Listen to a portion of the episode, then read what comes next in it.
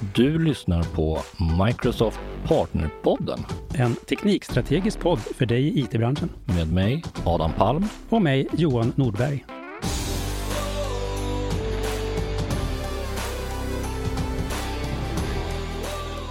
Sådär då. Välkomna åter. Välkommen till Partnerpodden, Anders. Tack så mycket. Kul att vara här. Ja, ehm, jag högg ju dig på LinkedIn för att jag såg att du skrev ett, eh, ett litet inlägg om Microsoft 365 Copilot. Så jag sa, det här, måste jag, det här vill jag lära mig mer om, det här vill jag prata om. Eh, så kan inte du börja med att berätta lite grann om vem, vem du är och varför du har så bra koll på de här sakerna? Ja, men det kan jag väl försöka med att börja. Eh, Anders Olsson heter jag som sagt och jobbar på ett bolag som heter OneWin. Vi är ju en säkerhetspartner med Microsoft och jobbar med alla säkerhetslösningar från Microsoft. Eh, och ja, vad kan jag säga om mig själv? Jag kommer ju från säkerhetsspåret och har jobbat inom det i 20 års tid och eh, började, jag blev MVP redan när Microsoft på med Forefront på den tiden med säkerhetslösningar. Och sen så när eh, Microsoft beslutade för att ja, det här med on-prem det skulle nog lägga ner eh, och och sätta en end of life på Forefront och börja fundera, okej okay, vad ska jag göra nu för någonting? Vad, vad kommer vara viktigt framgent när cloudlösningar och sånt ökar? Och då insåg jag att ja, man, det här med informationsskydd är nog ganska viktigt. Så vad som föranledde det här också var lite kul. Jag fick upp en sån här on this day man kan få upp på Facebook och andra medier. Liksom det här gjorde du. Då.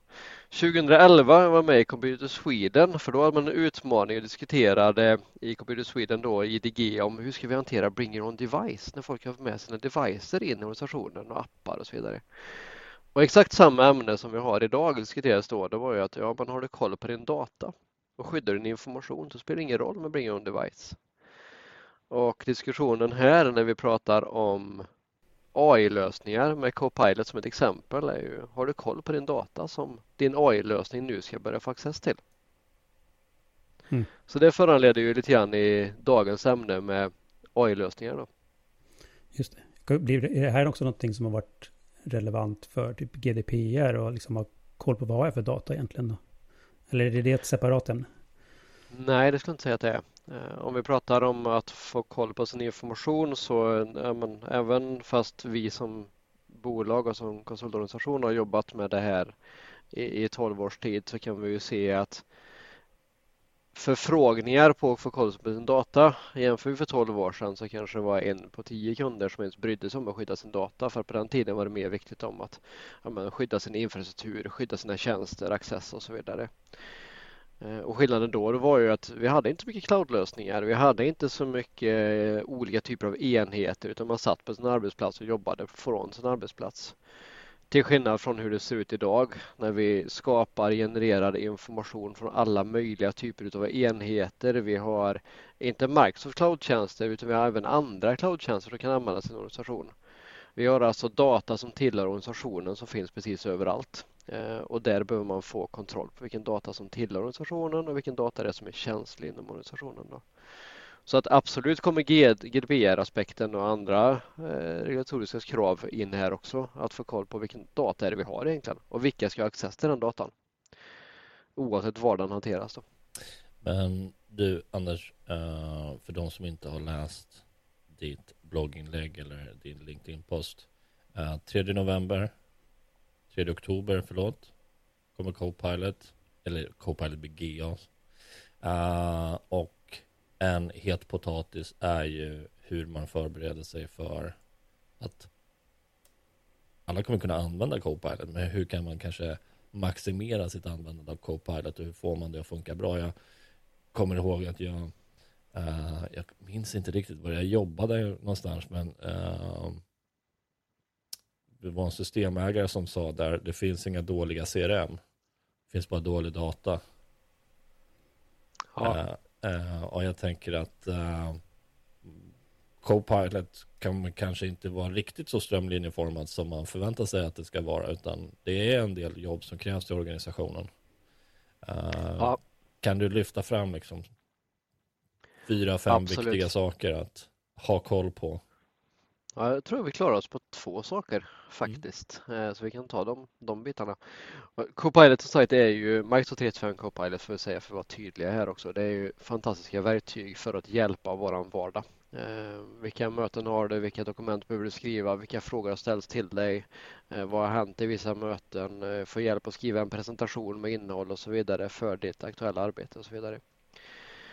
Utmaningen här är ju att Copilot per default eh, har access till den data som du själv har access till. Det räcker med att du som individ i din organisation har läsrättigheter till information så har också Copilot, Microsoft 335 Copilot rätt till den data du har access till. Och överlag om vi generaliserar hur det ser ut inom de flesta Tenants organisationer så har man inte särskilt bra koll på vilken data är det vi har egentligen inom vår organisation. Vad finns det för information i folks mailbox? Vad finns det för information i våran OneDrive, i Teams, i SharePoint? Vi eh, har ju ökat vår kollaborering. Vi har, eh, man bjuds in till olika team och olika kanaler för olika syften och så vidare. Det kan hända saker inom en verksamhet som gör att man kanske slår, slås ihop ett annat bolag, man ändrar inriktning, man förändrar någonting inom R&D som gör att det finns en gäng mängd data som dels kanske inte är aktuell längre. Och det är den första delen då. Har du information i din organisation som inte är längre aktuell? Här har vi ju då lösningar för att titta på vilken data är det som, är, som inte har förändrats eller som ingen har accessat på tio år. Som finns i din organisation. Ska den ens vara kvar som exempel? Vi lever ju i en tid där vi ger jättemycket information och vi har en datamängd som ökar frenetiskt. Vi har statistik på att under 2019, den datamängd som genereras under hela 2019, under 2023 så har vi redan tredubblat idag den datamängd som gjordes under hela 2019. Så vi genererade så extremt stora mängder data. Och då kommer vi in på något som heter Data Governance och Lifecycle Management. Då kan man med hjälp av Microsoft Purview få koll på vilken data har vi som inte ens har öppnats på tio års tid. Som inte har förändrats på tio års tid. Som ett exempel.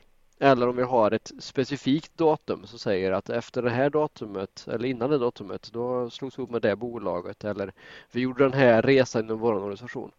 Då kan vi hitta den datan och faktiskt radera den som inte är aktuell längre. Som ett exempel. Och det är steg ett. Har vi data då som är aktuell i vår organisation. Nummer två handlar ju om att vilken data har vi som är av känslig karaktär och vilken access till den datan. Och här har vi också då lösningar som kan identifiera känslig information. Vi nämnde, om det var en bra fråga från Johan där med om det här hör ihop med GDPR.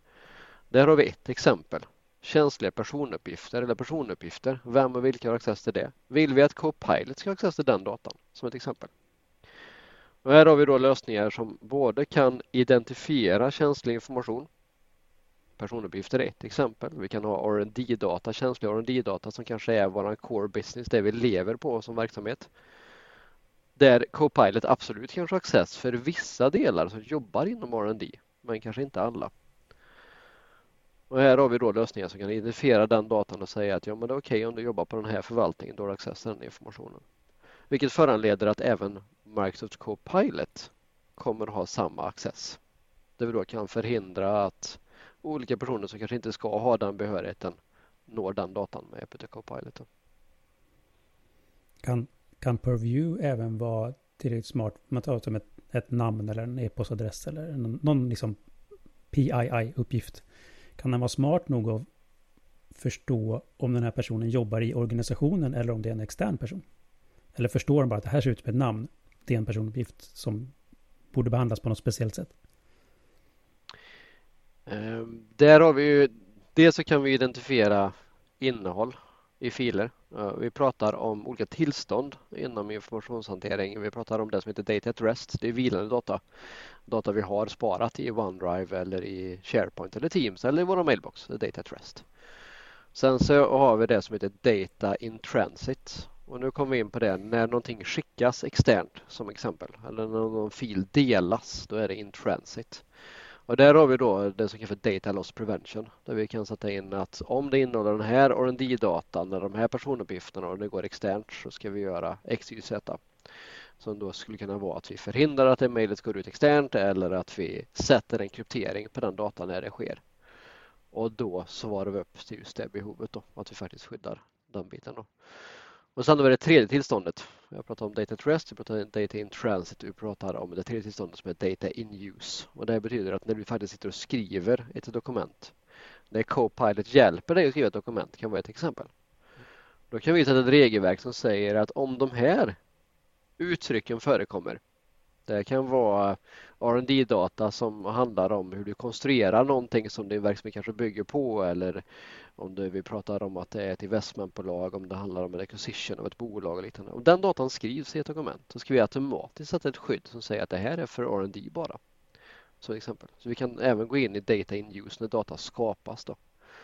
Och det, det gäller som ett exempel om vi pratar Microsoft 365 så gäller ju det i alla plattformar. Det spelar ingen roll om jag sitter och skapar ett dokument på min iPad eller om jag sitter på min Windows-dator eller på min Mac i Microsoft 365 appen Word som exempel. Då så kan vi hitta när den datan författas och så fort den gör det så kan vi se till att var i dokumentet finns det, vilken kategorisation på fil är det, alltså för information är det och automatiskt se till att de får antingen en kryptering och behörighetskontroll direkt eller att vi tränar användaren att se att det här är känslig information, du bör klassa den så här. Då. Så vi även ökar eh, medvetenheten hos slutanvändare i informationshanteringen. Så det blir ännu viktigare ju mer vi får stöttning utav den här typen av AI-teknologier. Och varför tror du att det är mer viktigt nu än tidigare? För jag tänker så här, precis som du var inne på initialt, att börjar man liksom kolla lite hur det ser ut i, i, i många tennis runt omkring, eh, rätt personer, rätt data, eh, eller kanske, kanske framför allt att fel personer inte ska ha tillgång till fel data. Uh, så ser det ju redan ut. Varför tror du att Copilot uh, kommer innebära en skillnad för, för hur våra kunder har satt upp access och identiteter i sina tenants idag? Jo, men det är just tjänster som hittar information. Mm. Det, det, är ju egentligen Ja, ju mer den hittar information desto mer blir exponerat. Det var en liknande diskussion när Microsoft lanserade Microsoft Viva, Viva Engage som också är till för att hjälpa dig som slutanvändare. Att har du koll på att det här gäller och att den här informationen finns och så vidare. Helt plötsligt så blev mer information mer offentligt och mer publicerat. Och helt plötsligt började komma upp för precis tillgängligheten och synligheten ökar. Och då blir det mer svart på vitt att ja men vänta nu den här informationen skulle inte alls vara för hela bolaget. Den här tillhör ju den här avdelningen. Vi pratar om eh, exempel som finns inom alla organisationer. HR-information som ett exempel. Den ska ju skyddas inom HR och den ska bara HR-personal ha access till. Börjar den då dyka upp för att Copilot ser att du har access till datan och du kanske ska skriva information om någonting som rör en anställd så finns det information om den anställda personen från HR men informationen berör bara HR. Då ska ju inte Copilot ha access till den datan. Så egentligen det är ganska positiva saker det här för med sig. Ja, men det skulle jag vilja säga. Det, det lyfter igen hur viktigt det är på att ha koll, koll på din information helt enkelt. Hur, vilken koll har företag generellt på den, här, på den här typen av frågor? De flesta, skulle jag säga, om vi generaliserar, har inte kontrollen eh, på det. Sen är det vissa som har kommit längre än andra med att kanske ha jobbat med de här inom det här området under en längre tid. Vi har ju flera organisationer som har gjort den här resan redan. De startade redan när Microsoft lanserade Azure Information Protection och när Microsoft köpte upp Secure Island eh, och dess informationsklassning med sensitivity labels och så vidare. Många har gjort den resan också så det finns exempel på sådana organisationer som faktiskt är redo idag. Mm. Hur, hur svårt är det, så att man, man har en massor av data redan, massa dokument, massa filer, allt möjligt. Som man inte har tagit tag i det här ifrån början. Hur svårt är det att liksom göra det tre år senare jämfört med att göra det från dag ett? Går det ens?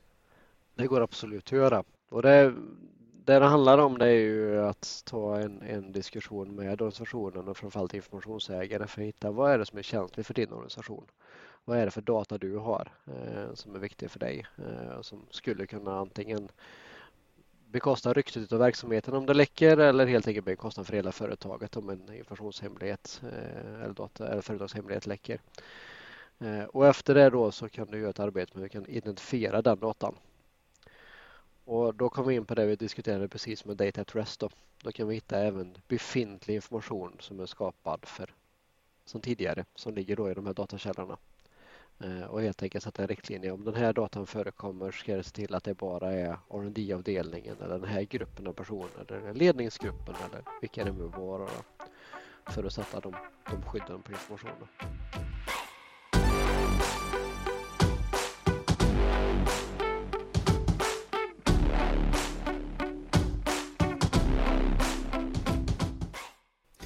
Kan vi övergå lite så här, nu vet vi ungefär lite grann vad man borde göra.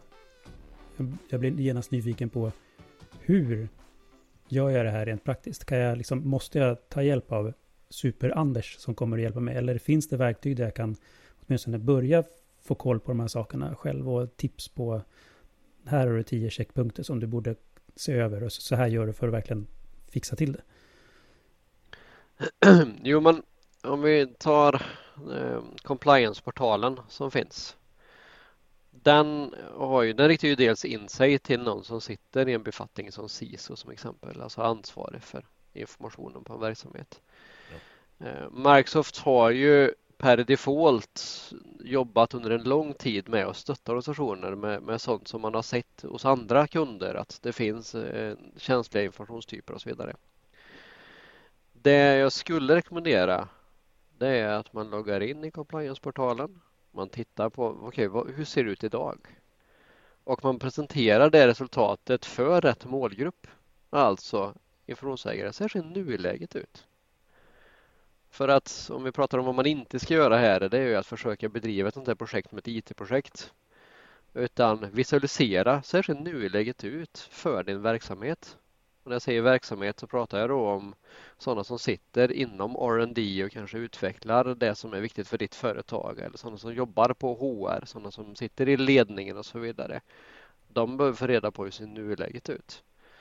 Och baserat på det då så ser man hur man behöver gå från ett nuläge till ett uppskattat och förväntat eh, läge som man vill nå upp till. Mm.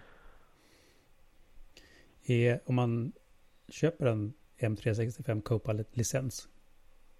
Behöver jag göra någonting för att kicka igång den eller kommer den bara okej, nu är jag på den här tenanten. Jag hittar massa OneDrive, så jag hittar massa SharePoint och hittar massa Teams-kanaler. Den kommer bara gå ut och göra sin grej automatiskt eller hur, hur, hur funkar liksom själva att komma igång med Copilot där? Och nu är inte det här ens släppt än så jag har inte full insyn i hur själva...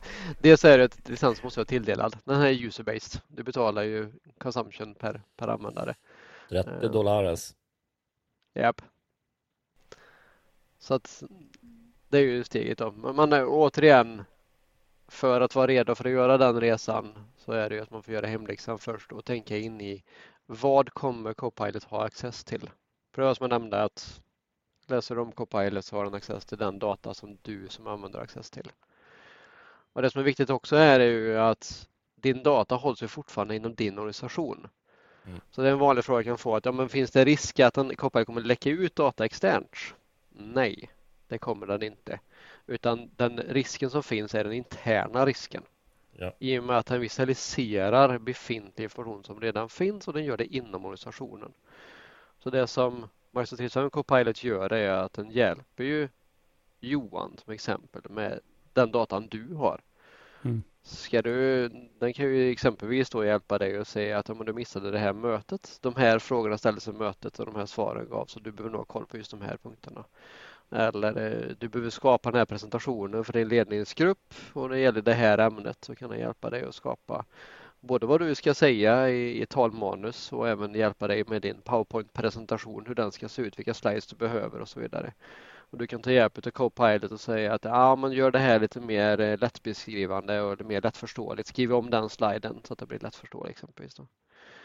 Eh, och återigen då, om du vill att den skriver om ett ämne så kommer den att kolla vilket, om det här ämnet och vad den vet om den data du har access till om det ämnet.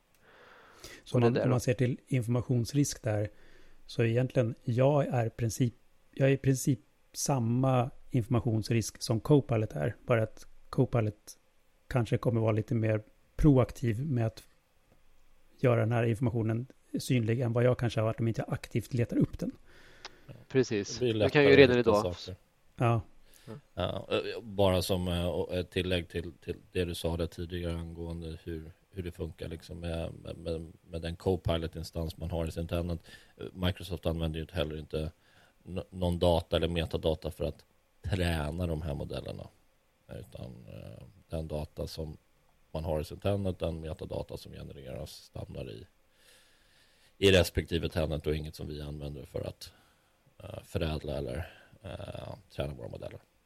Mm. Nej, precis. Och just den biten är faktiskt en, när man försöker förstå skillnaden på att använda Azure OpenAI eller företaget OpenAIs modeller så är väl just det en ganska viktig skillnad. Att om du gör en fråga på Open ChatGPT, liksom, där kan din fråga användas för att träna modellerna. Det skulle aldrig någonsin ske om du gör det i en egen Azure OpenAI-lösning. Nej, precis. Och, och, så det här har vi ju redan jobbat med innan Microsoft kommer med sin, sina AI-moduler eh, i DLP-projekt. Ja. Med andra ord att kunna identifiera så att inte en anställd skickar upp exempelvis känslig information till ChatGPT som ett exempel. Då. I och med att där har vi lösningar som kan gå in och titta på vilken information du delar från din företagsenhet in till de här olika AI-lösningarna. Och det är också en viktig aspekt. Anders, har du eller ni redan liksom börjat få förfrågningar från organisationer som vill ha hjälp uh, just på grund av att Copilot snart kommer att säga vi tror att vi behöver liksom lite hjälp att se över våra användare. Vi behöver lite hjälp att se över våra accesser. Har det redan börjat? Eller tror du att det liksom kommer lite senare? Eller hur ser det ut? Det, det har verkligen börjat. Ja. Det, vi har haft dialoger med många av våra stora företag i Sverige som har startat startgroparna och sagt att vi, börjar, vi måste ta tag i vår, vår compliance. Vi måste ta tag i det här. Och så fort de fick nys om Copilot och dess möjligheter och faktiskt kan främja verksamheten. Man ser att det här vill vi verkligen ha. Då har verksamhet som skriker efter det här vill vi starta igång med när det här släpps. Och jag plötsligt inser att oj, vänta nu, vi måste få koll på den information. Så den, den effekten har redan börjat. Det måste ju också vara nästan lite paradoxalt för jag kan tänka mig att ni har förmodligen tjatat om det här ett tag redan. Ja. Men att det liksom, det har inte hänt och så helt plötsligt så så kommer det här och då blir det ett incitament att göra det. Men ja. Mm. Ja, men så är det ju. Absolut. Så att just nu är det ju att se till att vi kan resursbelägga korrekt här. Så att det var det, så slänger upp en, en fler rekryteringsannonser här nu för vi behöver växa i teamet ja. Eh, med de här bitarna. Ja, du får plugga den här då och säga att shameless plug och vi söker de här personerna. Har, har du chansen? Ja, men det är jätteuppskattat. Absolut. Vi söker experter som jobbar idag med Purview Compliance-prylarna. Antingen då att man inför det eller att man sitter och hanterar det idag i sin befintliga organisation. Så ni är mer än välkomna att skicka in en ansökan. All right. Du, jag har sett eh, på framförallt LinkedIn, det är många som lägger upp ett litet diplom om att de har gått igenom en learning path för att bli redo för M365 Copilot. Mm. Är, Um, vad är det för någonting och vilka är det som borde se till att ta den? Jag tycker absolut att den är riktad till de som sitter på framförallt en IT-avdelning som får den här förfrågan från sin verksamhet som säger att ja, men vi vill ha Copilot. Mm. Mm. Den texten och den som går att läsa på Learn om Copilot och vad egentligen Copilot är och vilken behörighet den har och vad den faktiskt gör är någonting som alla måste förstå för att svara upp till den här förfrågan och börja använda Copilot. Den beskriver just det vi har pratat om idag. Vad har Copilot access till och så vidare och hur skyddar den informationen och så vidare så att den inte läcker ut från en organisation och eh, vad man behöver tänka på helt enkelt. Så den, det är en bra första steg för att få koll på hur kommer vi igång med det helt enkelt? Ja.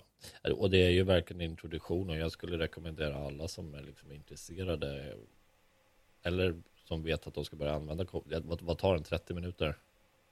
20 minuter att göra? Uh, ja, beror på hur snabbt man läser, men absolut. Ja, jo, självklart.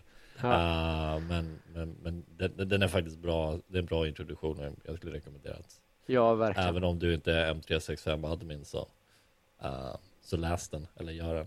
Uh, det är bra förberedelse.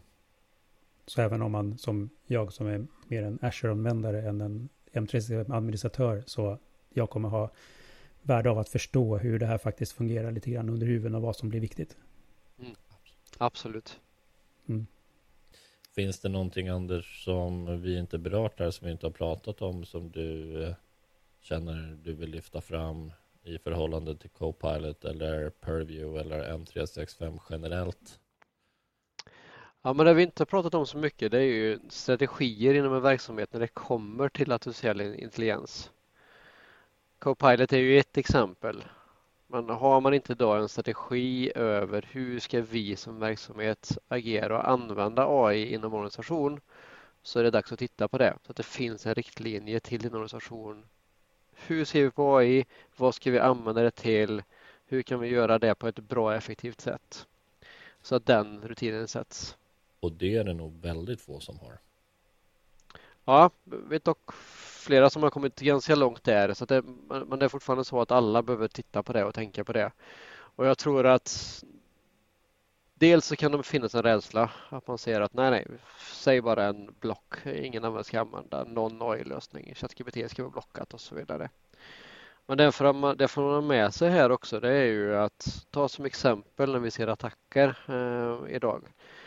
Även de kriminella organisationerna använder ju AI för att exempelvis analysera kod, hitta sårbarheter och så vidare. Så det är ett exempel om man är kodutvecklare. Du ska inte lägga upp all din kod på AI, det menar jag inte att du ska göra.